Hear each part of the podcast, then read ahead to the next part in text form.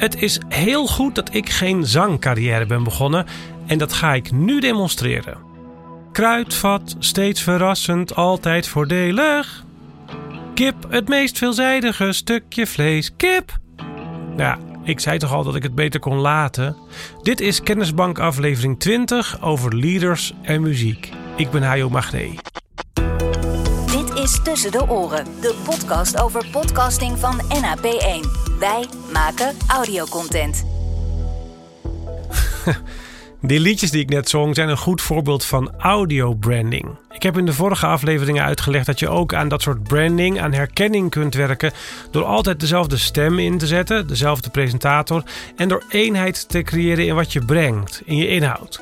Maar de meest voor de hand liggende manier om te werken aan het maken van een merk van je podcast had ik nog even laten liggen, namelijk muziek.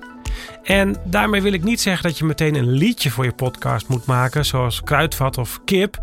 Maar wel dat je steeds dezelfde muziek kunt laten terugkeren. Of in ieder geval dat je elke aflevering begint met dezelfde muziek. Een herkenbare melodie, want ook dat is thuiskomen voor de mensen.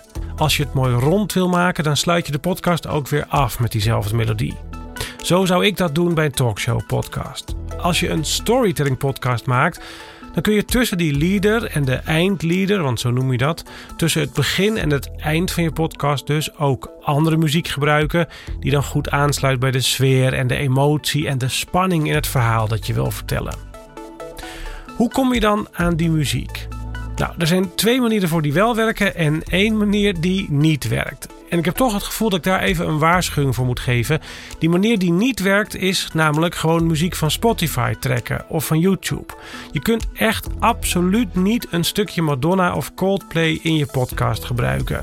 Hooguit een paar seconden om aan te tonen dat je het over dat liedje hebt. Als je er iets over wil zeggen, dan is het een citaat. Dan mag het. Maar je mag een liedje van Madonna of Coldplay niet gebruiken als achtergrondmuziek in je podcast. En sterker nog, ook als je aan bijvoorbeeld Ilse de Lange zou vragen of je een liedje uit haar repertoire in een podcast mag gebruiken. En zelfs als Ilse de Lange zegt dat dat goed is, dan heb je de rechten nog steeds niet goed geregeld. Om een lang verhaal kort te maken, en ik heb me hier echt uitvoerig in verdiept. Het is eigenlijk niet goed mogelijk om in Nederland de rechten voor muziek in een podcast goed te regelen. En dan bedoel ik muziek van bekende artiesten, muziek die ook op de radio te horen is. Dat soort muziek. Daarom kan ik je echt op het hart drukken te kiezen voor een van de andere twee manieren om aan muziek te komen. En de leukste is muziek te laten componeren.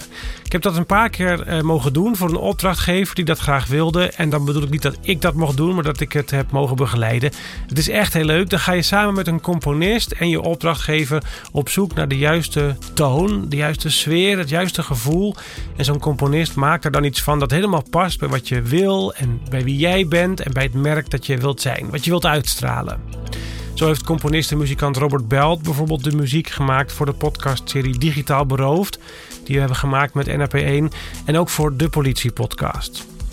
Maar hoewel het helemaal op maat laten maken van muziek misschien minder duur is dan je denkt, is het soms toch aan de prijzige kant. En dan is de andere manier om een muziekstuk aan te kopen. En dan heb ik het dus niet over die Coldplay of die Madonna, maar stokmuziek, library muziek. Daar heb je diverse websites voor. En dan kun je dan voor allerlei stemmingen en allerlei productietypes muziekjes zoeken. Bijvoorbeeld muziek uit de jaren 50 of kermismuziek of muziek die goed past bij thrillers of bij romantische onderwerpen. En op die websites wordt muziek neergezet door componisten die zeggen: Hier heb je mijn muziek. Je mag het kopen voor 30, 40, soms 80 dollar. En dan mag je het in een podcast gewoon zo vaak gebruiken als je wilt.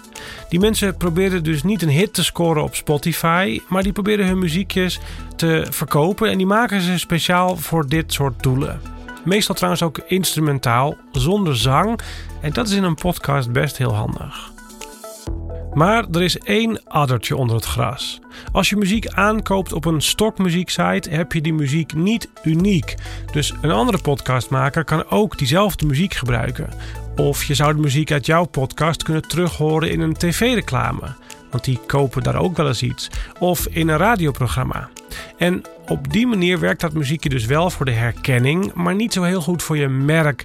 Um, want jij het dan niet uniek. Dus het, het muziekje hoort ook bij het merk van iemand anders. Maar aan de andere kant, de kans dat je dat muziekje echt ergens terug hoort is niet heel erg groot hoor. Het wel omgekeerd het grote voordeel van muziek op maat laten maken, laten componeren.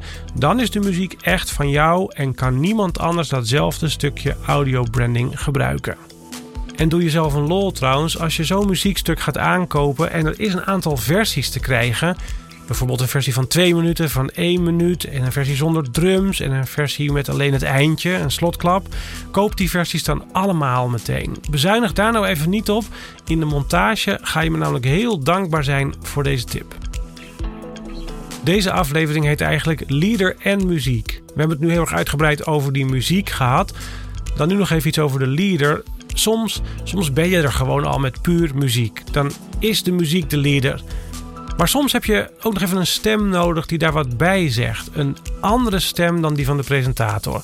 Zodat de presentator bijvoorbeeld niet haar eigen naam hoeft te zeggen. Ik doe dat in deze podcast altijd wel. Ik ben Hajo Magree, zeg ik dan. Maar soms is het handiger als een andere stem de presentator aankondigt. En die stem die gebruik je dan iedere keer. Dat stukje neem je één keer op en dat hergebruik je. Maar hoe kom je nou aan zo'n stem? Nou, je kunt natuurlijk een vriendin vragen of je neef of een goede vriend. Als die gezegend is met een beetje een goede stem en een beetje weet hoe die je moet gebruiken, dan kom je daar een eind mee. Maar voor zo'n stem kun je ook naar een stemmenbank. En daar zitten stemmen in die ook dat soort reclames inspreken, waar we het eerder over hadden. Die verzamelen opdrachten door plaats te nemen in zo'n bibliotheek van stemmen, waar reclamemakers of podcastmakers dus uit kunnen kiezen. Vaak kun je dan al online een script indienen dat ze moeten inlezen. Je bepaalt dan meestal een paar honderd euro en dan zoek je een stem uit die bij jouw productie past. En voor een paar honderd euro zeggen ze dan wat jij wil. En dan kun je dat ook nog een beetje regisseren. Of ze het wat sneller willen zeggen of wat langzamer. Of wat vrolijker. In de montage breng je dan zelf muziek en stem bij elkaar. Je hoort daar in deze podcast aan het begin en aan het eind een heel goed voorbeeld van. Dat was het. Je kunt de informatie uit deze aflevering ook terugvinden in de podcast Kennisbank op onze website. En hier komt onze eindlieder. Dit was Tussen de Oren van NAP1. Wij maken audiocontent. NAP1.nl